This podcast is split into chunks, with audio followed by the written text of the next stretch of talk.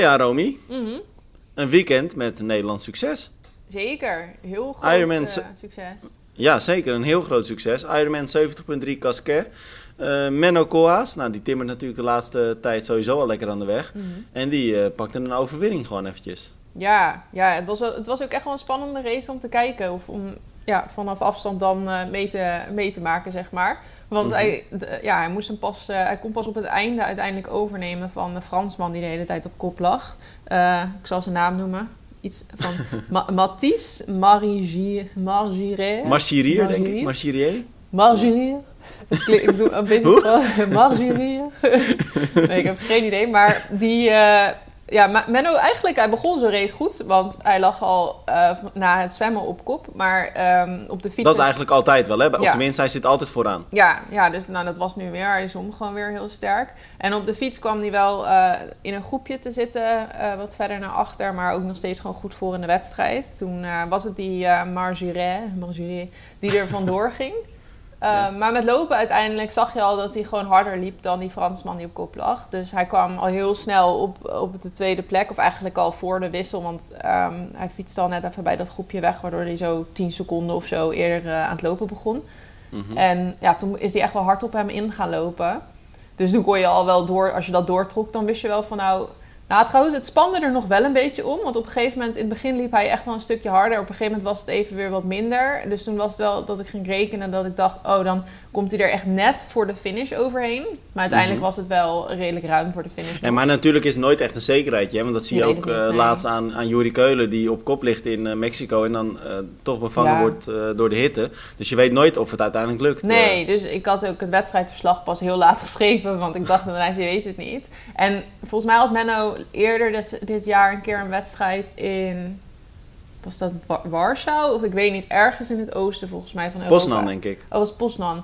Ehm, En toen liep hij er ook heel goed voor. Volgens mij niet voor de winst, denk ik, maar misschien voor een tweede plek of een derde. Ik weet niet. Maar toen op een gegeven moment Ja. zakte hij ook nog best wel een beetje in. Zakte die net uit van het podium af, hè? Ja, dat was het dan. Dus Ja, ik dacht klopt. wel van, oh, dan, eh, ik heb geen zin om het hele artikel te schrijven, Hosanna, en dat het dan straks, zeg maar, op het allerlaatste moment toch niet goed is gegaan. Maar Ja. gelukkig voor Menno ging het wel gewoon eh, goed dit keer. En- Ja, maar echt super vet. Maar eh, als je dan naar het seizoen van Menno kijkt. Mhm. Nou ja, je noemde net dan Poznan inderdaad. Daar valt hij net buiten het podium. Maar hij wint dan nu Casquet. Mhm. Hij was natuurlijk super sterk eh, in Frankfurt al. Ja. Ehm, allebei, hij finishte toen eh, samen met Milan Brons eh, binnen de top 10. Mhm. Eh, was de beste Nederlander. Hij won eh 1-1-1 Bielse. Hij is echt sterk. ja, hij is heel goed bezig. Ja, ik ben nog een beetje verkouden En ook naar op de Mallorca. korte afstand nog steeds best wel goed, hè? Ja, maar dat doet hij niet echt meer nu, toch? Ze- Ja, 70 maar en 3 is wel een beetje het in kortste hij Nederland heeft hij ook nog wel wat korter, want volgens mij heeft hij... Hij heeft volgens mij het NK... ehm, nee, niet het NK was dat. Of was dat vorig jaar dat hij in Dat Leiden was vorig jaar. Oh, dat is alweer een jaar geleden. Ja, Maar toen de deed hij namelijk ook nog wel goed voor in mee. Ja, maar volgens mij doet hij nu eh, in principe niet echt meer dat kortere werk. En hij gaat nu eh, richting Israël. Eh, want hij gaat zich de komende week op Mallorca voorbereiden op, op een, met een trainingskamp. Mhm. Samen met Milan Brons en ook Tristan Olij. Eh. En Mitch Kolkman sluit er trouwens ook aan. Ehm, en dan gaat hij zich voorbereiden op eh, de Ironman in Israël. En daar wil hij zich al kwalificeren voor Hawaii. Ehm, nou, van al die Nederlanders die daar gaan starten... eh, denk ik wel dat Menno echt de grootste kans hebben. Ja, dat denk ik ook zeker. Ik denk, dat, ja, denk dat... hij- Ja, en ja, Tristan aan de andere kant dus ook, liet in Almere ook al zien dat hij heel sterk is. Mhm. Het is sowieso een groepje wat het op het moment echt super goed aan het doen is. Milan had dan dit weekend geen goede race. Maar trouwens, ehm, doet Nick niet mee met dit groepje met trainen de komende tijd dan? nee, oh, oké. nee. Ik dacht dat hij misschien ook nog wel naar Israël zou gaan of zo. Nee, Nick, die, ehm, zijn seizoen is in principe nu eh, klaar. Overweegt het wel heel voorzichtig om misschien naar Daytona te gaan. Omdat Oh, hij ja. daar nog de World Bonus kan gaan pakken. Oh, tuurlijk, ja. Maar dat hangt er een beetje vanaf, zei hij al, of er een eh, uitnodiging voor hem komt. En of er ook een financiële vergoeding eh, tegenover staat. En dat snap ik wel. Want kijk, hij staat ehm, eh, tweede in het World Bonus klassement. Ik weet de bedragen niet helemaal precies uit mijn hoofd. Maar als hij derde zou worden, eh, dan zakt hij, ik geloof, 6000 dollar. Mm. eh, wat hij dan betaald krijgt. Ja. Nou, dan hou je netto, eh, wat is het, 45 of 4000 euro over, Ja. dollar. Ehm, maar als je de reis naar eh, Daytona maakt, ja. Ja. dan ben je al, wat is het, 3.000, 4.000 euro kwijt, denk ik. Ja, het is een soort, het is gewoon een gok die je neemt. Want je zou Precies. inderdaad een paar duizend euro kunnen winnen. Maar het kan ook zijn dat als je het doet en dat het slecht gaat, dat je een paar duizend euro verliest. Ja, en hij is heel reëel daarin, want hij zegt, ja, ik moet dan racen tegen eh, Magnus Dietlev. Ja. En die staat namelijk derde op dit moment. Mhm. En hij zegt, ja, ik denk niet dat ik hem kan verslaan op dit moment. Ja, Ja, dat dat, vind ik ja, op ja, zich een hele- je weet het niet, hè, want Magnus kan ook eh, een, een niet-topdag hebben. En het kan zijn dat Niek wel een topdag heeft. Ja, ja, nee, dat klopt 100%. Alleen we moeten ook reëel zijn in de vorm die Dietlev op dit moment heeft. Eh, zelfs als hij dan een slechte dag heeft, is hij nog steeds gigantisch sterk. Ja, nee, dat is ook wel zo. Maar goed, geldt ook voor Niek, hè? Laten maar hij dat, moet ook eh, per se Dietlev verslaan, eigenlijk om een positie omhoog te gaan in die ranking. Nee, eh Dietlev moet hem dan verslaan om een positie te stijgen. Want ehm Niek staat nu voor Magnus. Ja, precies. Maar dus dan moet Niek wel zorgen dat hij wint van Dietlev. Of dat Dietlev uitstapt of zo. Want anders Ja, maar het zou natuurlijk in de praktijk ook zo kunnen zijn. Kijk, als bijvoorbeeld Dietlev, eh, weet ik het veel, gewoon slecht doet. eh, achtste wordt en eh, eh, Niek tiende, dan is er ook niks aan de Nee, hand. precies. Dus Niek kan ook niet gaan en gewoon toekijken thuis en denken... oh chill, Ja. Dietlev die staat met zijn band te prutsen, want hij heeft lek gereden. Precies, en, En dan zou hij het daarmee dus die 4000 euro besparen, Ja. zeg maar.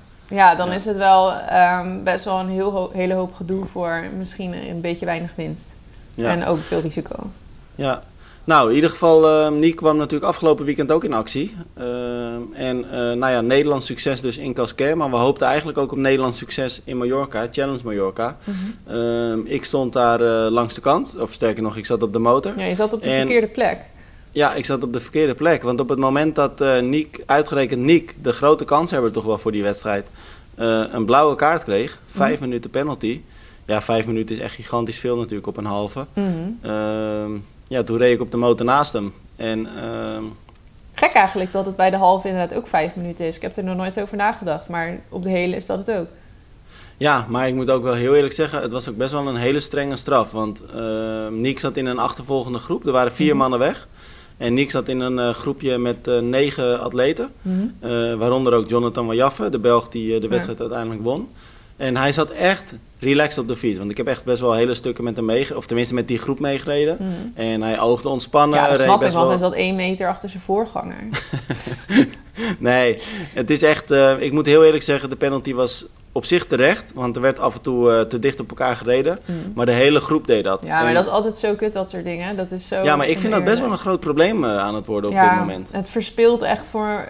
Ja, het is gewoon. Het is voor de atleet die de penalty krijgt natuurlijk het allerzuurs. Maar het is gewoon ook niet leuk voor de wedstrijd. Dat zag je op Nee, we Hawaii zagen het op Hawaii natuurlijk ook. ja, Ja. dat is gewoon. Ja, en eigenlijk zouden ze dan zo'n hele groep. Maar ja, dan is de wedstrijd ook wel helemaal eh, ja. verpest. Het, is toch, het blijft toch een beetje willekeur van ja, wie ga je dan wel een kaart geven en wie niet. Want ja. ja, Maar eh, wat ik wel gezegd wil hebben, kijk, hij moest toen eh, vijf minuten aan de kant staan en wist ook, ja oké, mijn wedstrijd is in principe over. mm. Maar vervolgens perst hij er nog een halve marathon in, ik geloof 1 uur 12 of 1 uur 13 ja uit. sterk. Ja. is echt sterk. Hij was waarschijnlijk super boos. Nou, dat viel dus heel erg mee, want ehm, ik, ehm, ik reed dus naast hem toen hij die blauwe kaart kreeg en toen Mhm. riep hij me eigenlijk en toen zei hij vijf minuten. Ik zeg, waar kreeg je hem voor? Nou ja, toen zei hij, ja, ik zat er, hij zei, het is gewoon terecht, ik zat er te dicht op. Hm. En eh, toen zei ik, eh, want iemand anders kreeg hem dus ook nog. En ehm, ja, dat had Nick op dat moment natuurlijk niet door. Ja. Maar na de wedstrijd zei hij ook wel, ja, op dat moment dacht ik van het is een terechte penalty. Maar als ik er nu naar kijk en dan zie dat heel veel mannen hem niet krijgen, ja, Ja, dan vind ik het wel minder terecht. Ja, dat snap ik. Ja, dat, dat is gewoon echt vaak inderdaad. Dat, dat gewoon een heel groepje zich niet echt goed aan de regels houdt. En dan is het ook maar een momentopname. Want dan kan het zijn dat de jury net langs rijdt op een moment dat, dat één iemand in die groep er te dicht oprijdt. Terwijl daarvoor eh, misschien dat diegene dat de rest van de wedstrijd nauwelijks deed. En dat de rest dat wel de hele tijd deed. En dan dat Ja. toch die de, de penalty krijgt. Dus ja, het is voor een jury ook lastig. Want zij ja, beslissen ook maar in een moment wie dan die kaart krijgt. Mhm. Maar daarvoor is het wel belangrijk dat er ook waarschuwingen worden uitgedeeld. En Ja, want dat gebeurde dus ook niet. Er was geen enkele ja, waarschuwing. maar je hoort het vaak in Spanje, gezeur over jury. Het Ja, schijnt ook dat, dat de. Spaanse jury vaak heel erg eh, ja, de Spanjaarden zeg maar, eh, voordeel geeft. Het meest, krankzinnige, is. het meest krankzinnige, ja dat is inderdaad echt bizar, maar het meest krankzinnige voorbeeld daarvan is natuurlijk nog, en dan komt Juri Keulen weer voorbij, Ja, die, is de wedstrijd die hij toen won, ik weet niet meer welke Ironman dat was, Eh, een 70.3 in ieder geval, Ja, maar toen werd hij op een gegeven moment ineens gedisqualificeerd. ja, dat was echt belachelijk. Dat was, ik wil, nou ben ik wel benieuwd welke wedstrijd dat was, misschien ook het snel kan Ja, het was sowieso Spanje, dat weet ik wel. Maar, Ja, het was eh, Spanje en ik weet ook nog dat hij toen nog vervolgens aan de jury heeft gevraagd, moet ik een penalty uitzitten? Toen zeiden ze ja, nee. En Ja. toen kwamen ze na de finish naar hem toe en toen zeiden ze je bent gedisqualificeerd. Ja, ja, dat was echt belachelijk. Maar sowieso wel- dat na de finish, net zoals waar we het vorige week, volgens mij of de week daarvoor over hadden van... ehm, Oh, trouwens, ik, zie, ik heb hem eh, gevonden. Hm? Dat was ook op Mallorca. Ironman 70.3 Mallorca. oh ja. Nou ja, dat was eh, dus 7 mei dit jaar. Spaanse jury en dan nog in het bijzonder Spaanse jury op Mallorca, daar word je niet blij van. Nee, maar echt.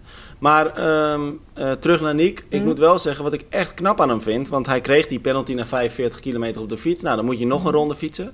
En dan dus die halve marathon. Ja. Kijk, dan kun je twee dingen doen. Hè. Je kunt je kopje laten hangen. eh, of je kunt de knop omzetten en gewoon kijken wat er nog mogelijk is. En dat heeft hij echt knap gedaan. Want Mhm. hij loopt echt nog naar, alsnog naar een achtste plek. Hè. Hij begon Ja. als twintigste aan de, aan de halve marathon. Ja, super knap. het is eigenlijk net als wat Dietlef deed in, eh, op Hawaii. Die eh, liep ook Mhm. nog heel sterk eh, naar voren. En die hoorde toen ook al op een gegeven moment met nog aardig wat kilometers te gaan... dat hij dan die penalty uit moest zitten. Ja, Toen is hij ook toch wel door blijven gaan. Hij stort alleen op het eind wel in. Dat had Nick dan niet. nee. Iemand die dat eh, nu op Mallorca in ieder geval totaal niet kon, was Milan Brons helaas. Ja, wat, wat was er aan de hand? Gewoon ja, een slechte dag. Nou ja, ik reed op een gegeven moment eh, eh, bij die groep van Niek. En dat was na een kilometertje of eh, vijf, denk ik. Dus kort, op het, kort na het begin van het fietsen. En toen zat Milan al op 20, 30 seconden. En ehm, ik zag hem pushen. En, eh, terwijl die groep best wel relaxed reed. Maar hij zat ook al niet bij het groepje. Of heeft hij zich moeten laten Hij zat bij het zwemmen bij het groepje. Oh, oké. En eh, ja, dan weet je hoe het gaat. Dan stap ik op de motor. Dus dan mis je die eerste kilometers heel eventjes. Ja, dan moet je daarna even denken, huh, wat is er gebeurd? Ja, precies. Wat is er gebeurd? Maar toen zat hij op een gegeven moment dus na een paar kilometer op 20, 30 seconden. Dus hij kon gewoon meteen al niet meekomen. Hij kon gelijk niet mee. En eh, hij zat echt als een gek te beuken op die trappers. Maar hij kwam gewoon eigenlijk niet voldoende vooruit. Kijk, het gaat gek. natuurlijk nog steeds, gaat nog steeds hard, hè? laat het duidelijk zijn. Ja. Eh, maar hij kwam er niet bij. En uiteindelijk werd het gat veel groter. Verwacht ik helemaal niet van Milan. Meestal is Milan op de fiets gewoon wel sterk.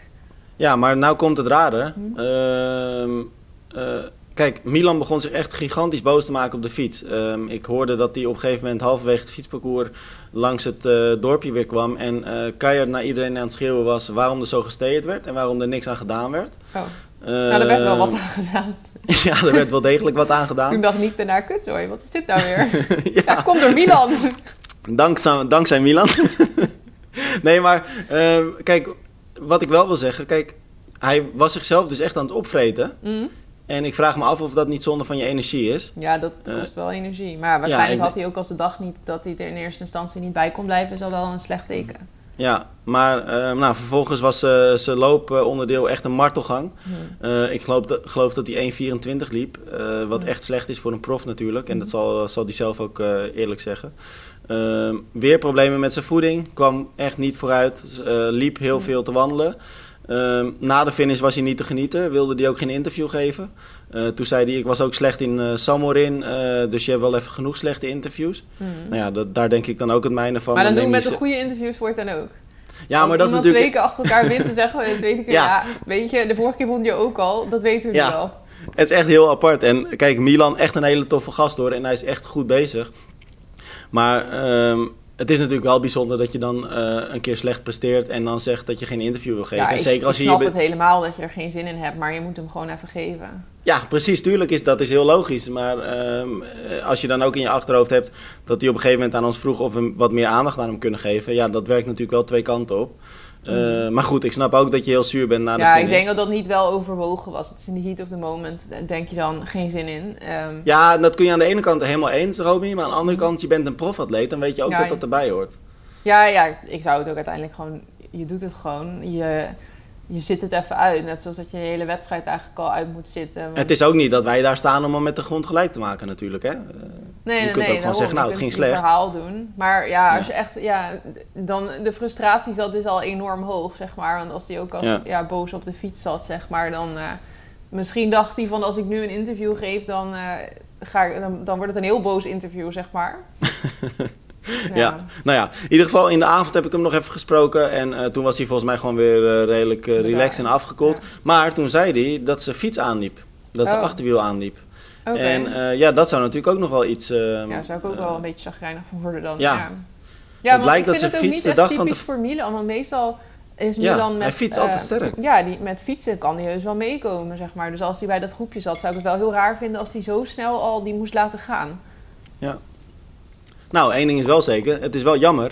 En ehm, ik heb het ook in de avond nog eens aan hem gevraagd. Gaat dit nou in je hoofd zitten? Want kijk, Milan is natuurlijk echt een topatleet. Was vorig jaar echt supergoed in Almere. Hm. Ehm, maar hij heeft ook heel vaak problemen met voeding. Hè? Waardoor Ja. hij best wel wat mindere eh, eh, resultaten heeft. Nou, we zeiden het net al. Samorin was... eh, nou, hij noemde het zelf gewoon slecht. Mhm. Almere was, eh, werd hij, ik geloof, weet ik niet, zesde, zevende, achtste of zo. Mhm. Ehm, was op zich prima, maar echt niet wat hij ervan verwachtte. Dus ook Mhm. tegenvallend wat dat betreft. Nou, nu dan eh, slecht. Ehm, gaat het in je hoofd zitten? En toen zei hij, nou, dat valt wel mee. Eh, maar hij zegt, ja, het is wel echt een hele lastige puzzel om die voeding op orde te ja, krijgen. dat is vervelend. Ja, het is net als Maar- wat Sarissa heeft eigenlijk. Die heeft er ook echt Ja. niet mee. Maar ik geloof niet dat dat niet in je hoofd gaat zitten. Volgens mij gaat dat heel erg in je hoofd zitten. Ja, ja, weet ik niet. Ja, in Almere was hij natuurlijk eh, in eerste instantie heel sterk. Kijk, eh, je kijkt uiteindelijk bij de finish, maak je de balans op. En toen Mhm. was hij niet meer, ja, op het einde ging het gewoon niet meer goed. Maar om met fietsen was hij heel sterk. Dus ja, Ja, gaat was hoofd fenomenaal. zitten- Kijk, als het in je hoofd gaat zitten, dan neem je denk ik al niet het risico door met Starkey mee te gaan op de fiets. Ja, maar Almere was natuurlijk ook... eh, kijk, dat was de tweede wedstrijd die hij deed. Nu weet hij dat hij er drie tegenvallend gedaan heeft. Dat is wel een groot verschil al. Ja, nou ja, ja je, het, is, het is niet fijn natuurlijk. Maar ik weet, ja, ik weet nooit zo goed van... Soms lijkt het ook alsof je dan in een soort pechmolen kunt landen of zo. Dat, ehm, dat heeft Evert ook wel eens een keer gehad, zo'n seizoen. Dat dan... eh, hoe noem je dat ook weer? Dat is toch de... De wet van Murphy. Ja, precies. Dan gaat gewoon het ene, dan gaat alles mis. Dan rij je lek en dan heb je inderdaad weer dat, je, dat er iets aanloopt. Dan eh, Mhm. nou ja, breek je zadel af. Zeg maar, zo kan er dan iedere keer, is er dan weer wat. Of je wordt ziek. Een beetje wat Evert eigenlijk in. Almere heeft. Want daar gaat eigenlijk ook altijd wel iets fout. Ja, Ja, nou, ja, volgend jaar gaat het weer goed, hè. Want het gaat een keer, een keer fout en dan weer een keer goed. op en af. Ja, dus eh, volgend jaar wordt het een topjaar. nee, maar ik bedoel, ik herken wel, zeg maar, dat je dan soms zo de- zo'n van die wedstrijden hebt. En ja, of dat dan, ik geloof niet dat het dan echt mentaal is. Want iedere keer ga je er toch weer vol voor. Je hebt weer al je trainingen gedaan. En op het moment dat je in een wedstrijd zit, ga je toch niet in één keer denken: oh, de vorige keer reed ik lek of zo. Of, oh, Ik denk eh, dat dat een proces is dat al lang voor de wedstrijd begint. nou, het probleem En- is wel, in dit geval is het bij Milan wel eh, de voeding echt. Dus Ja, het is niet iets van materiaal of eh, dingen die een beetje buiten zijn macht liggen, zeg maar. Eh, dat je ziek wordt voor de wedstrijd of zo. Het zijn wel dingen die hij zelf, ja, waar hij wel een Waar je soort invloed van op hebt. controle over he- hebt. Dus dan, dan doe je ook heel erg je best om te voorkomen dat het probleem zich weer voordoet. Plus je herkent waarschijnlijk wel het gevoel van...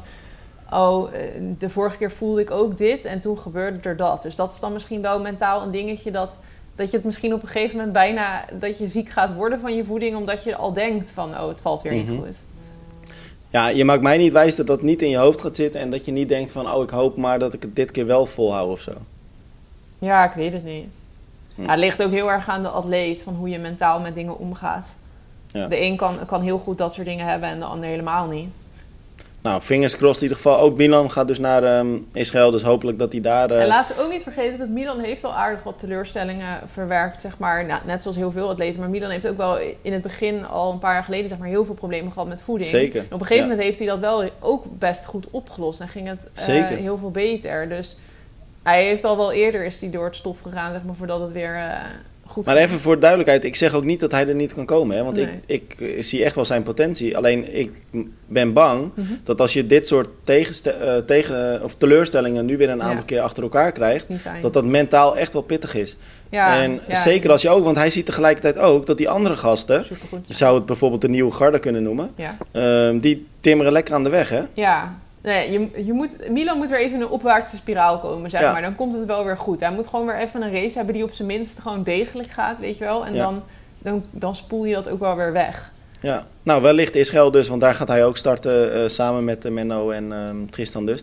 Dus eh fingers crossed dat het daar goed komt. Ja. Wat vond je van ehm, Joost Friedrichs? Ja, sterk hè?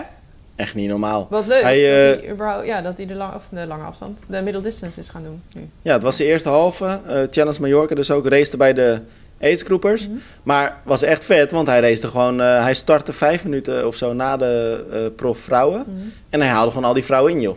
Ja, leuk. Op een normale fiets, hè?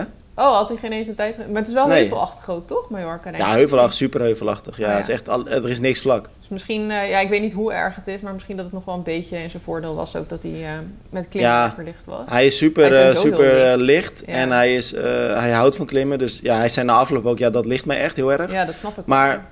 4,29. Tweede aidsgroeper binnen zijn leeftijdscategorie. Derde aidsgroeper overal. Echt wel, ja, dat is wel echt tof. Ja, heel leuk. Gaat hij nu vaker de middle distance doen? Of wat is... Ja, dat denk ik wel eigenlijk. Oh, leuk. Maar dat kan ik niet voor hem bepalen natuurlijk. Maar ik ga er vanuit van wel. eh, Hij moet. gezegd. Ja. Hey, Challenge Mallorca dus. eh, Mhm. was tof. De dag voor Challenge Mallorca was het nog even schikken. Want eh, toen is er een 70-jarige man uit het water gehaald. Ja, stond Die jij er nou bij of zo? Of? Nee, Jeffrey stond erbij. Ehm, en en zijn, eh, zijn vrouw is eh, arts. Maar er stonden echt bizar, want het was gewoon, gewoon op het strand, zeg maar, aan het strand. En er waren gelijk vier of vijf artsen, dus dat was heel erg eh, fijn. En die man die werd echt gereanimeerd, werd uit water Ja, gehaald, gereanimeerd. En eh, het duurde lang, kwam na, pff, ik weet niet, na een tijdje kwam hij gelukkig dan wel bij. Is afgevoerd naar het ziekenhuis.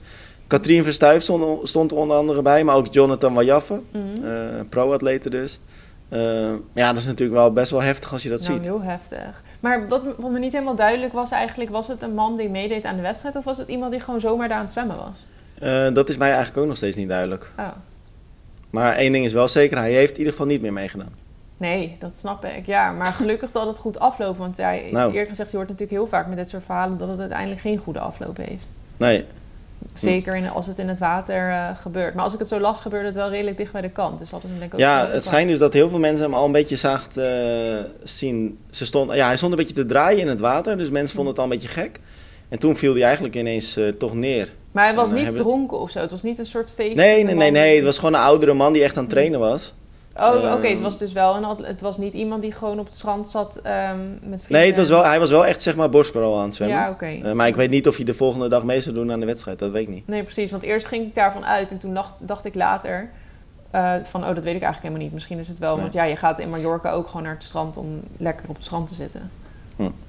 Nou, ja, heftig. het, was voor mij, het was voor mij ook een zwaar weekend, dat kun je wel horen. Hè? Nou ja, hoe eh, is het met, je, met al je ledematen nadat je van de trap bent gepleurd? Zo, dat, daar had ik nog niet eens aan gedacht. Want ik bedoelde natuurlijk dat ik nu een beetje grieperig ben. Ja, zit je dat daarover kun- aan te stellen terwijl er iets veel ergers was eigenlijk. Nou, ik dacht echt dat ik dood ging. ik, ik, maar wat is dat dus- met jou? Het is echt apart, hè? Jij hebt Mallorca vaak is... dat soort dingen. ja, nou, we hadden dus een... eh, we hadden zelf even hard gelopen. En eh, het was echt trouwens niet normaal warm dit weekend op Mallorca. Hadden echt constant 30 Maar dat graden. vind en jij ook al snel, hè? Als het meer dan 20 graden Nee, maar zelfs de profatleten die zeiden het na Oh, afloop. hè. Het, was echt, het was echt heet. Het was echt warm. Oké. Ehm, en we hadden dus, eh, ik weet niet, eh, acht kilometer of zo gelopen, lekker rustig, maar echt warm dus. En toen kwamen we in het hotel en toen zijn we gewoon even lekker het zwembad ingesprongen gelijk, Mhm. om af te koelen. En eh, nou ja, toen gingen we uit het water en toen dachten we, nou dan eh, kleden we ons niet om, dan lopen we gewoon rechtstreeks naar de kamer toe, dan eh, kunnen we daar aankleden weer. Mhm. Dus ik liep op mijn blote voeten en nou ja, richting een trap. Een trap van, ik weet niet, 15 treden, stenen treden. En ik stap zeg maar op die bovenste trap treden en ik glij uit. Mijn voeten glijden zeg maar naar voren, Oh. onder mijn zwaartepunt vandaan dus. En nou, ik, ik, ik vloog door de lucht en ik dacht, hier ga ik. Ben je met je kop op de stenen Nou, ook? nee, dat geluk had ik dus. Ik ben op mijn heup en op mijn ribben gevallen. Hm. En nou ja, mijn heup is echt, echt zwart gewoon. Hm. Mijn ribben zijn nu blauw, mijn schenen zijn blauw. Mooi. Eh, maar gelukkig niks gebroken, dus op zich viel het mee. ik maar heb eigenlijk viel je best dan? je bij... op je kont helemaal die trap afgestuiterd? Nee, zo? ik ben op mijn zij gevallen, zeg maar. Dus op mijn heup en mijn ribben. Gewoon echt vol op mijn zij. En toen ben ik vervolgens al die treden naar beneden gegleden. Maar 15 Ja, het is echt- treden is ook echt best wel hoog. Ja, ik, ik geloof dat ik de laatste drie treden tot stilstand kwam. Oh, dus. gelukkig. nou, dat scheelt nog. Ja, maar het valt me heel erg mee. Dat ik, ik heb eigenlijk helemaal geen last ervan. Ik, ja, het is een beetje beurs. Ja. Maar Ja, want je ging de daar- volgende dag weer hardlopen. Ja, maar dat ging op zich... Nou, één dag later dan, maar eh, dat ging Oh, op ja. zich prima. Maar ik dacht echt, toen ik daar viel, dacht ik echt van... Nou, ik heb mi- minstens eh, al mijn ribben gebroken. Maar, eh, Oh, Maar nou dat, ja, dat zou dan wel de tweede keer zijn dat je met een gebroken rib terugkomt van een reis in Spanje.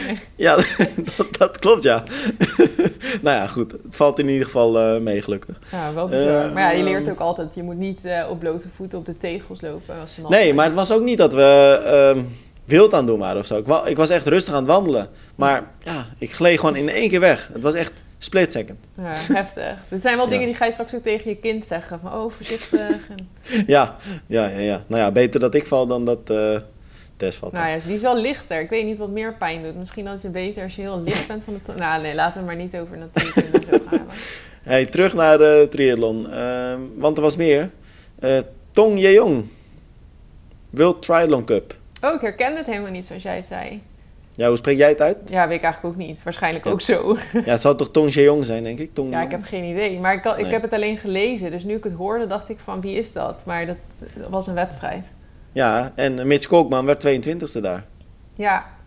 Ja, er waren niet echt Nederlanders eh, goed voorin te vinden. In, eh, Nou ja, 22e, World Triathlon Cup. Voor eh, zo'n jonge jongen vind ik best wel goed. Ja, nou, dat is eigenlijk ook wel waar, ja. Ja. Ik had even het idee van, oh ja, valt, ja, maar nu je het zegt, is het eigenlijk inderdaad voor hem ook wel een goede prestatie, ja. Ja, hij race natuurlijk eigenlijk pas sinds een jaar op het echt het allerhoogste niveau. Mhm. Ehm, en als je dan ook ziet dat hij ehm, eh, Jorik van Echtom eh, verslaat en ook Ja. Donald Hillebrecht, eh, dan vind ik dat echt wel netjes. Ja, want daar zat ik eigenlijk mee in mijn hoofd. Van, want ik, ik, had, ik had hem wat meer naar voren verwacht, zeg maar. Dus ik had een beetje zoiets van dat het niet zo'n hele goede, goede dag was voor Nederland, zeg maar. Maar nu je het zo noemt, inderdaad op zijn leeftijd, heeft hij eigenlijk best een goede prestatie neergezet daar. En, en hoezo had je Jorik van Echtom dan meer van voren verwacht? Nou, ehm, Ik had het helemaal niet verwacht. nou, ik had het ook niet per se verwacht nu. Maar op zich zou je hem vroeger zou je hem verder voor in zo'n race hebben gezien. Ja, maar eh, het is best lang geleden dat hij voor in een wedstrijd zat, toch? Nee, dat klopt, dat is ook waar. Ja. ja. Maar eh Mitch Koopman vind ik dus echt wel eh, sterk. En Mhm. kijk, hij is echt jong nog. Mhm. Ik heb best wel het idee dat hij. ehm, ehm, nou, ik, ja, het is lastig te zeggen. Kijk, je kunt zeggen eh, een keer een top 10 gaat halen of zo. Eh, maar ik zie hem daar best toe in staat eigenlijk. Ja, dat denk ik ook wel, ja. Zeker. En hij zwemt ook goed, dus dat is ook heel prettig. Hij zit al goed voor in de race. Dat is echt wel in zijn voordeel. Want je hebt, ja, je hebt ook atleten die moeten altijd van achter komen. En ja, daar hoort hij dus niet bij. Het is meer zijn Mhm. lopen waar hij nog aan moet werken. Dat hij dan mee kan blijven komen met de, met de groep, zeg maar. Want met ja, zwemmen en fietsen zit hij altijd wel. Kan hij gewoon zorgen dat hij met de kop eh, aan het lopen begint. Ja, en zijn lopen is ook echt goed hoor. Maar als hij dat zeg maar in een triathlon ook nog gewoon goed, eh, helemaal goed kan krijgen, dat lopen. Want hij kan vast wel echt goed lopen, maar in een triathlon komt het er niet altijd uit. Maar als hij dat op een gegeven moment wel onder controle krijgt, zeg maar, dan eh, ja, kan hij het zeker heel goed doen. Dan zit de top 10 er sowieso wel in, ja. Ja, en als je dan nu naar het lopen kijkt, inderdaad. Hij liep 32,39 over eh, de afsluitende 10 kilometer. Ja. Eh, en Van Echtdom liep bijvoorbeeld 33,02. ik geloof En dat de winnaar liep onder de 31, of niet? eh, Volgens mij 30 hoog. ja, onder de 31 inderdaad de winnaar. Ja, 30,56. Oh, ja. Maar als je dan bijvoorbeeld Donald ziet, eh, 34,42. ja. Ja, dat is echt wel tegenvallend dan. ja, nee, dat klopt. Die had echt geen goede race. Nee, want als je, dan, dan verlies je dus ehm, eh, bijna vier minuten gewoon. Ja, dan verliest hij het lopen. Dan zit je bij de finish echt nog wel even wachten, te wachten, zeg maar, voor op zo'n korte afstand voordat eh, ze dan over de streep komen. Ja. Ja, dus Nou. al- als Mitch dat lopen, als hij daar beter in wordt, dan kan hij echt wel een hele, dan wordt hij echt wel een hele goede triatleet.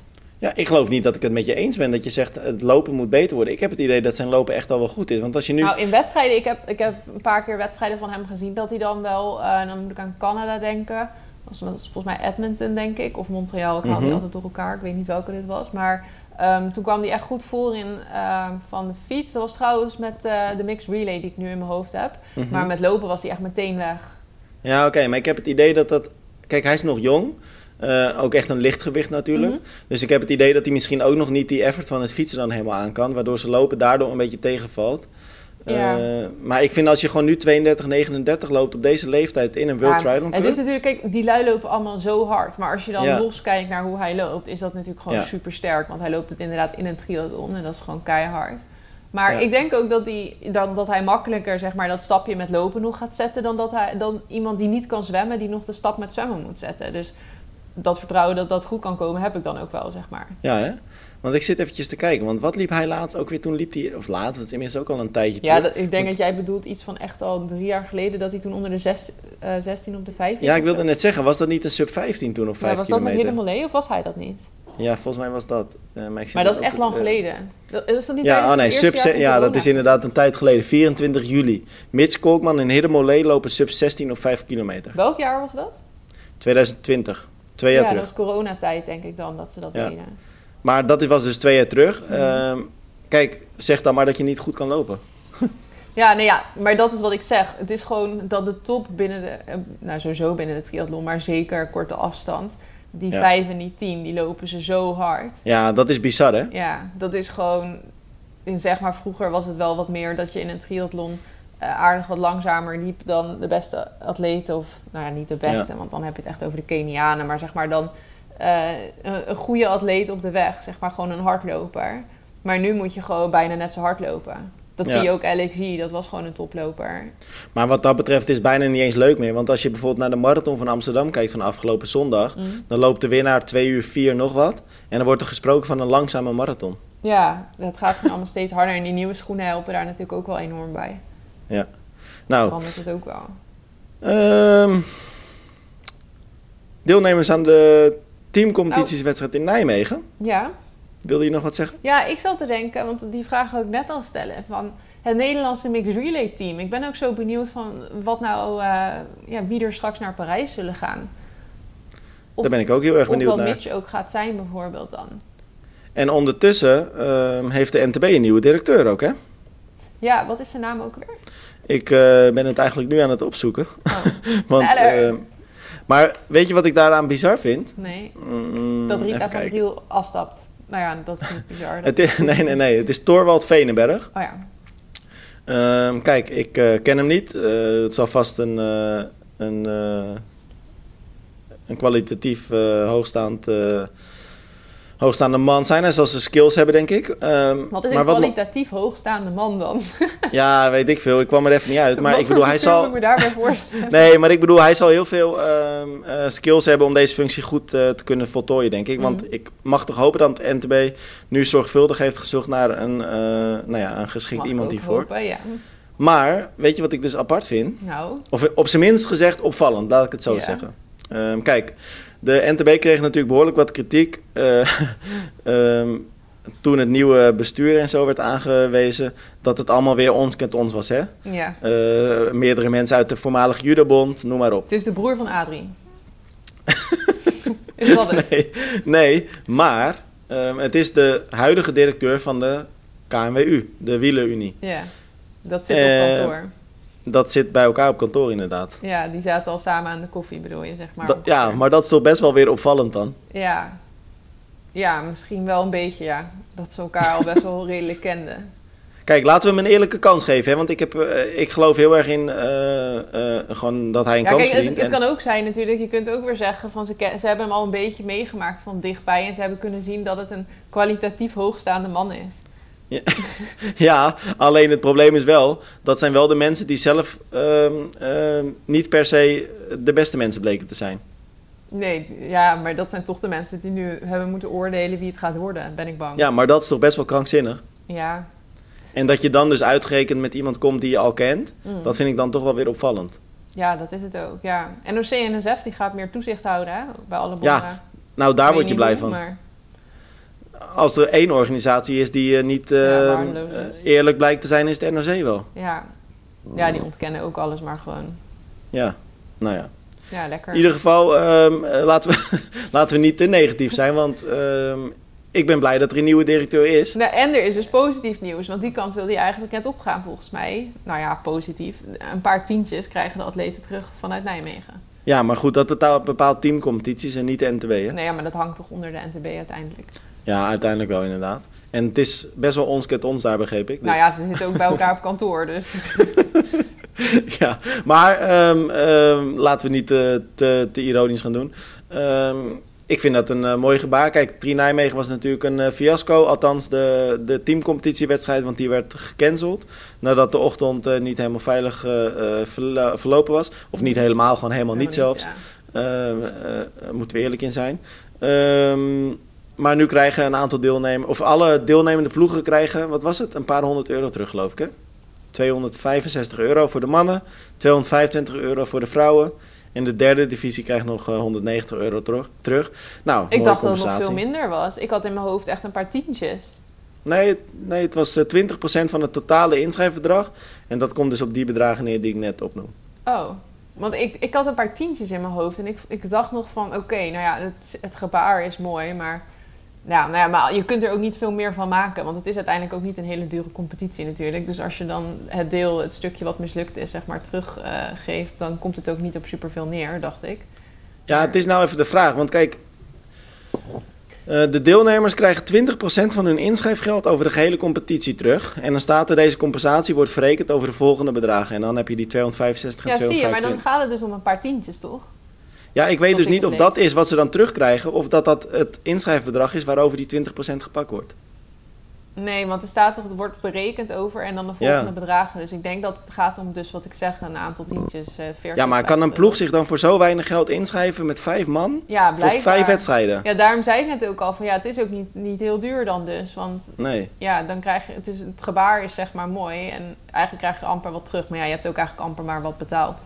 Ja. Als dat zo is. Maar ja, ik heb geen idee. Nou, het lijkt er inderdaad wel op, want er staat verrekend over de volgende bedragen. Ja, het is in ieder Ja, geval gewoon mooi dat, dat, dat er gezegd wordt van dit was gewoon niet goed. Dus jullie krijgen je geld terug. Dat is ook gewoon hartstikke terecht. Dus Ja, ja, nou, mooi gebaar. Ja. Hey, ehm, iemand die kritiek krijgt, veel kritiek, maar eh, ik vind het wel mooi, lekker doorgaat, mhm. is Maarten van der Weijden. Ja, nou, hij laat zich er niet door storen, inderdaad. Ik weet ook niet zo goed wat, wat hij aan het doen is en wanneer dit ophoudt. Want hij is dus hele triathlons aan het doen. Eer gisteren begonnen. Hij heeft er nu twee gehad. Vandaag zijn derde, geloof ik. Nee, Oh, hij heeft er al drie gehad. al. Ja, hij heeft er al drie gehad. Oh, ja. Dus hij is ehm, gisteren dinsdag, dus hij is zondag begonnen en Ja. heeft dinsdag zijn derde gedaan. ja, nee, dat was het inderdaad. En nou is het even de vraag of hij dus vandaag, woensdag, een vierde doet. Dat weet ik niet. Nee, dat weet, ja, dat weet ik ook niet. Want ik, ik heb het ook helemaal niet echt ehm, gevolgd wat, of dat dan nu wat zijn plan was of zo. Nee, het kwam ook best wel een beetje uit het niets. En volgens mij weet hij het zelf ook niet zo heel goed. Want hij schreef naast de tweede op socials, zal één. ik nog een derde doen. Ja. Maar wat me best wel verbaast, is dat mensen zo kritisch op hem zijn. ja, ze zijn echt hard. Maar dat is steeds bij Maarten. Ja, maar dat verbaast me Dat wel. vind ik ook, ik vind het ook heel verbazingwekkend. Ja, het verbaast me sowieso altijd dat je dat soort dingen online schrijft over iemand. Ehm, want ja, wat maakt het nou uit dat hij een paar hele triathlons doet? Ja, vind ik niet echt nodig om daar dan iets negatiefs over te zeggen eigenlijk. Dus op zich kun je er eigenlijk alleen maar iets positiefs over Nee, zeggen. mensen zijn vooral verbaasd dat hij... eh, want hij is geblesseerd natuurlijk, kan niet, eigenlijk niet rennen. Eh, doet de marathons ook steeds wandelend. Ja, Eh, slim en dat schijnt, niet, mensen, maar- dat schijnt mensen toch een beetje te irriteren, geloof ik. Ja, ehm Stef Overmars die reageerde volgens mij iets over dat hij een voorbeeldfunctie heeft. Daar ben ik het eigenlijk inderdaad ook dan wel weer een beetje mee eens. Maar ja, ik weet niet hoe geblesseerd die uiteindelijk nu... Kijk, als hij ehm, een bepaalde blessure heeft waardoor hij niet meer kan hardlopen... maar wel nog kan wandelen... dan ja, moet hij toch ook als hij wil wandelen maar lekker blijven wandelen, zeg maar. Maar als Maarten van der Weijden iets niet is, is het toch een voorbeeldfunctie voor de triatleten. Nee, niet voor triatleten, maar wel voor misschien eh, kinderen die ook... eh, ja, gewoon sportieve kinderen. Nou ja, en ja, maar ik geloof niet... Ja, ook. nee, oké. maar ik bedoel, dan zijn mensen helemaal Hosanna als die, die Elfsteden toch gaat zwemmen. Ja. 220 Ja, kilometer. dat is ook niet echt een goed voorbeeld. Ja, eh, maar dat is toch ook geen goed Nee, voorbeeld? straks dan duikt er een kind de Maas in en dan gaat hij de Maas afzwemmen of zo. Ja, maar ik bedoel, je weet toch hoe dat werkt met dit soort extreme dingen. Ja, Ja, nee, dat is ook wel zo. Hm. Ja, ik heb Nou, er ook ik vind niks eh, negatiefs over te zeggen eigenlijk. Want Nee. ehm, ja, leuk dat hij dat doet. Het is verder natuurlijk geen nou officiële ja, leuk. wedstrijd. Wij vinden het allebei toch ook niet leuk? Ja, ik ik kunnen we het ook eerlijk over zijn. interessant of zo, maar eh, het is dat het Maarten van der Weijden is, dus dan noem je het. Ja. Maar ja, Nou, hij- ja. eh, hij is in ieder geval in voorbereiding op zijn Elfsteden triathlon. Ehm, en wil natuurlijk in de voetsporen van Stefan van der Pal treden. Ehm, dat betekent dus dat je de Elfstedentocht eerst zwemt, dan fietst, dan loopt. Ja, krankzinnige afstanden Mhm. natuurlijk. Ja, en dan begrijp ik wel dat je dit soort trainingen doet. Want je zal wel moeten. Ik bedoel, hij, hij liep laatst ook geloof ik iets van 150 kilometer of zo wandelen. ja.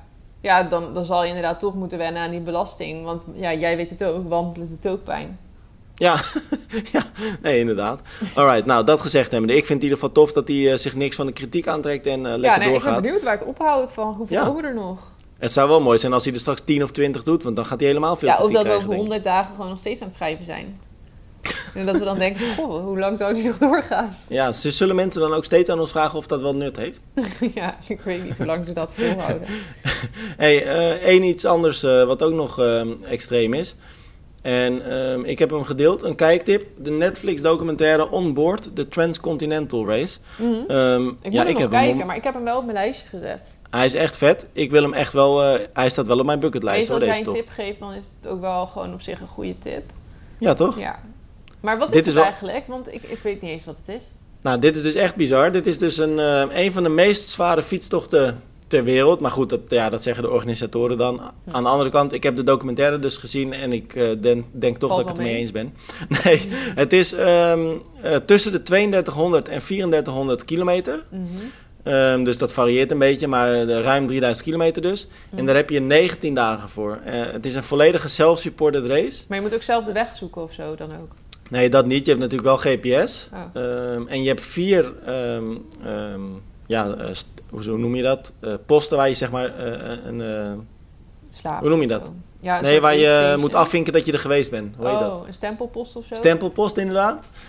Ehm, en alles moet je zelf regelen. Dus je bepaalt zelf waar je slaapt, je bepaalt zelf waar je je eten haalt. ehm, als je maar langs die posten komt. Ja. En, ehm, maar het krankzinnige is, kijk, als je dus die 3400 kilometer door die 19 dagen deelt, dan weet je al dat je gigantisch veel moet fietsen. Mm. Ehm, maar de tijd loopt constant door. Dus ook als je slaapt, loopt de tijd door. En de snelste fietsers, die doen tussen de 7 en 10 dagen over. Afhankelijk van het parcours, wat ook elk jaar weer anders is. Mhm. Maar altijd door vrijwel heel Europa voert. En gigantisch veel hoogtemeters kent. Oké, ja, ik wou net zeggen, want ehm, dat zal het dan ook zwaar maken. Ja, en er zitten stukken ehm eh off-road in. Ja. Maar een, een klein voorbeeld. In die documentaire zie je dus een deelnemer die zo weinig geslapen heeft... dat hij eigenlijk heel veel moeite heeft om zijn geld in een snoepautomaat te gooien... en vervolgens het zakje snoep normaal open te krijgen. Eh, het is echt krankzinnig. Maar hij zegt, ja, ik wil wel door, want anders verlies ik gewoon tijd. Maar goed, Ja, het is echt bizar. ja, het zou niks voor mij zijn. Het is wel vet, hoor. Ja, het lijkt me leuk om de documentaire te kijken, maar dat soort dingen doen. Ik snap echt niet waarom mensen dat leuk vinden. Ja, die documentaire gaat wel sneller, want die duurt maar 15 Ja, dat minuten. mag ik hopen, anders ga ik het niet kijken. Dan krijg ik al pijn in mijn kont van het kijken naar de documentaire. Nou, in ieder geval, mocht je het artikel niet gelezen hebben, eh, ga zeker wel even die documentaire kijken dus. Eh Onboard the Transcontinental Race. Het is echt Maar een... eh, het is toch wel ook gewoon... Je moet iets hebben dat je dat leuk vindt, toch? Kijk, jij Ja, hebt dat- dat bijvoorbeeld. ja, dat denk ik wel. Ik denk niet dat je dit gaat doen als je het niet leuk vindt. Nee, maar zeg maar, je hebt dan toch ook een bepaalde verbinden- verbinding ergens in je hersenen of zo... die net even anders ligt of zo. Ja, dat denk ik ook wel. Maar het- weet je het wat ook is zo toch bizar veel is? logischer om het niet leuk te vinden. Ja, dat vind ik best wel een interessante vraag. Want ik bedoel, ja, waarom vind je de hele triathlon leuk? Dat is ook niet helemaal normaal, toch? Nee, maar ja, dat is tenminste nog één dag. Ja. Het Nou ja, weet je wat dus ook bijvoorbeeld zo bizar is aan die tocht? Want die organisatoren, ehm, die wilden het eigenlijk zo extreem mogelijk maken. Dus wat hebben ze ook gedaan? Ze starten bijvoorbeeld ook niet in de ochtend, maar gelijk eh, s s'avonds laat. Waardoor je dus je eerste kilometers gelijk in de nacht fietst. Mhm. Alleen maar om je gelijk wat meer te desoriënteren en moeier te maken. Nou, leuk. ja, en genieten dat die mensen allemaal doen. Moet je zeker nog voor Nou ja. betalen ook. Ja, maar het is zo vet, want als je dan ziet... Kijk, ze rijden over de mooiste bergen heen, uitzichten. Ja, maar je geniet er toch niet meer van als je niet eens een snoepzakje open kan maken. Ja, ik- ja, ja, maar dat is natuurlijk wel een keuze. Hè? Je kan ook iets langer slapen natuurlijk. Maar ik vind het altijd wel iets interessants, zeg maar. Van, ja, ik, ik probeer dat wel eens te begrijpen. Iemand die wij kennen, die liep afgelopen weekend eh 100 kilometer. Mhm. En oké, die, die deed dat ook wel heel erg, zeg maar, om dan een soort van zichzelf te leren kennen of zo. Of ja, Mhm. ik- kijk, ik kan dit niet voor hem uitleggen, ik weet niet precies. Maar zeg maar, het was ook een soort eh, spirituele reis, zeg maar, iets. Ja, dat is misschien Ja. overdreven, maar omdat je jezelf ook wel tegenkomt en zo. Maar goed, dat duurt tenminste nog één dag dan. Dit duurt echt heel veel dagen. Uh-huh. Terwijl 100 kilometer lopen is natuurlijk ook al gewoon absurd eigenlijk. Mhm. Maar ja, waarom doen mensen dat? Ik begrijp het gewoon niet helemaal, zeg maar. Is dat dan Ja. omdat je, ja, oké, als je jezelf dan wil leren kennen of zo, dan kun je ook op reis gaan naar Thailand met een backpack, maar oké. Ja, maar voor mij is dat het ook totaal niet. Maar wat is het dan wel? Want je vindt dat toch niet leuk op het moment dat je het doet? Vind je het dan leuk als je ermee klaar bent of zo, dat je het dan hebt gedaan? Nou ja, kijk, als ik dan naar mezelf kijk, eh, bijvoorbeeld met die 100 kilometer rennen, wat ik dan ook gedaan heb. Ik, bij mij komt dat echt, dat idee eigenlijk op als poep, om het maar zo te zeggen. hè. Ik zie dat dan ergens, ik lees het ergens en dan denk ik, nou, volgens mij kan ik dat ook. en in 99% van de gevallen is dat ook zo. maar want dat waarom ook wil je dat weten? Ja, nou ja, dat, dat is het dus. Ik wil het dan weten. En dan denk ik, oké, als iemand dat kan, dan kan ik dat denk ik ook. En eh, ja, dan wil ik er toch achter komen. En Hm. nou, dan is het ook nog eens zo. Kijk, tijdens die 100 kilometer vond ik het 80 kilometer leuk. En daarna werd het inderdaad 20 kilometer. Dat je 80 ja, gewoon kilometer leuk vindt, vind ik al best wel bijzonder. Ja, maar het is natuurlijk wel zo dat je niet... Je loopt natuurlijk redelijk rustig, hè? Mhm. Dus eh, je gaat ook niet helemaal stuk. Maar het is ook gewoon dat, ja, het is toch een beetje dat avontuur. En dat je dan denkt van, oké, ik doe iets wat bijna niemand kan. Want dat, dat is het natuurlijk. Ja, en dan kan ik me dus bij dat 100 kilometer kan ik me nog wat voorstellen. Maar 24 uur bijvoorbeeld op Zwift gaan zitten, wat jij hebt gedaan. Mhm. Dat, zoiets. Maar, en dit is nog erger, dit duurt nog veel langer. Dat, ja, dan denk Ja, ik- maar ik moet wel zeggen, bij deze tocht heb ik ook wel zoiets van, is dit nou echt leuk? Maar ik weet niet. Ik denk, je maakt wel natuurlijk echt iets mee wat, wat niemand meemaakt. Ja, dat En- lijkt me dan leuker om dat gewoon mee te maken. Dat je zegt van ik ga drie maanden backpacken en ik ga lekker veel fietsen. Ja, maar dat komt in principe dan toch een beetje op hetzelfde neer. Nee, want het doet veel minder pijn. Dan kan je nog wel een zakje snoep openmaken, want dan slaap je ook nog gewoon. Snap je? Ja. Ja, ja, ik kan het Ja, verder ik, ook niet echt ik uitleggen. begrijp het gewoon niet. Maar ja, er zijn mensen die het blijkbaar leuk vinden. Maar ik probeer gewoon altijd een beetje me dan... Ja, Ja, maar waarom begrijp je dan die profatleten zoals Evert en al die andere Nederlanders wel? Mhm. Die zich elke dag de Filistijnen intrainen om op één dag goed te zijn. Dat is toch net zo goed verschrikkelijk? Ja, eigenlijk snap Alsof ik het dat lekker is om elke dag in het rood te trainen. Ja, maar eigenlijk snap ik dat ook niet helemaal inderdaad. Hm. Ik weet eigenlijk niet, wat doe ik hier eigenlijk? Ja, zullen stoppen gewoon? Ja, Eén ding wil ik nog even met je bespreken. oké. Eh, maar dat kan kort. Frederik Funk, die heeft ehm, kritiek op de PTO, hè? Eh, op de rankings. Mhm. Vind jij dat er een eh, speciale ranking moet komen voor de long distance en middle distance? Ja, vind ik wel. Want je bent nu echt appels en peren aan het vergelijken. Ja. Oké, nou dan kunnen we het heel kort houden. Ik vind het ook. Ja, ja want het is gewoon... ehm, ik, vind het niet, eh, ik vind het terecht dat mensen zeg maar die, die bonus krijgen... wat nu op de lange afstand. Want je krijgt dus een soort van eh 10% volgens mij bonus... op het aantal punten dat je verdient in een long distance. Terwijl de middle distance races dat niet krijgen.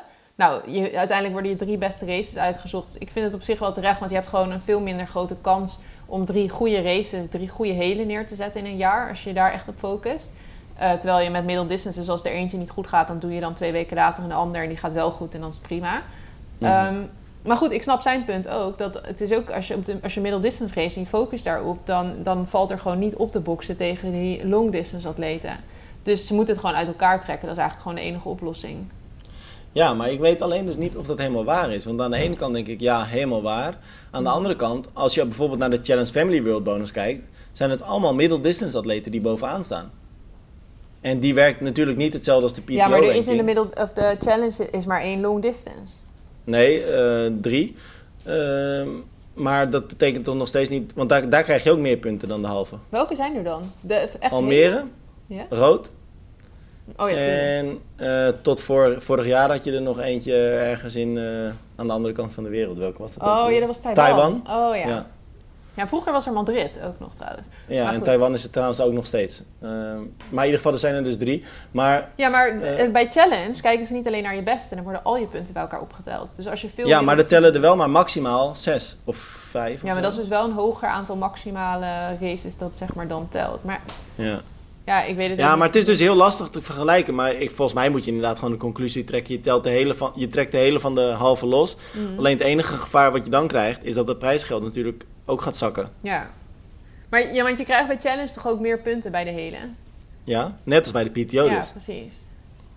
Ja, ik weet het niet. Maar eh, je ziet wel dat als je naar de ranking gaat kijken, dat bijvoorbeeld Emma Pallant, en dat geldt dus ook voor Frederik Vonk, dat die als middle distance atleten gewoon niet goed hoog kunnen eindigen, omdat ze gewoon de lange afstand dus niet doen. Nee, oké, Dus maar laten we ook eerlijk zijn. klopt. Maar laten we ook eerlijk zijn. Frederik Funk heeft ook niet zo heel veel echte topklasseringen Nee, maar Emma. Pallant daarentegen wel. Ja, die wel inderdaad. Dus dat Ja. is dan wel een beetje scheef gewoon. Ja. Nou ja, oké, we zijn het met elkaar eens dan toch? Ja. Nou, leuk. Alright. Frederik Vonk won wel Cel C, zie ik. Won die zelf om zee? Oh ja, dat was Ja. het trouwens. Ja, daarom. Ik zie nu inderdaad waar Ja, Evert een toen zware dag had, won Frederik Vonk. Ja, toen had hij wel een hele goede race. Ja, verder, vorig jaar was be- een beter seizoen voor hem. Geloof Ja. ik. Alright, Romy. Ja. Nog Herstel ze anderhalve, van al je nog, an- nog, van je nog anderhalve week, dan is het WK, hè? Oh ja. Dus dat wordt ook weer tof. Ja, ik eh, ben benieuwd. Juri Keulen, Ja. Ja, en Juri Keulen heeft zich teruggetrokken uit Daytona. Oh, oké. Ik ben benieuwd wat hij eh, op het WK gaat kunnen. Ja, we gaan het zien. Romy, ik spreek je volgende week. Yes, ciao. Doei!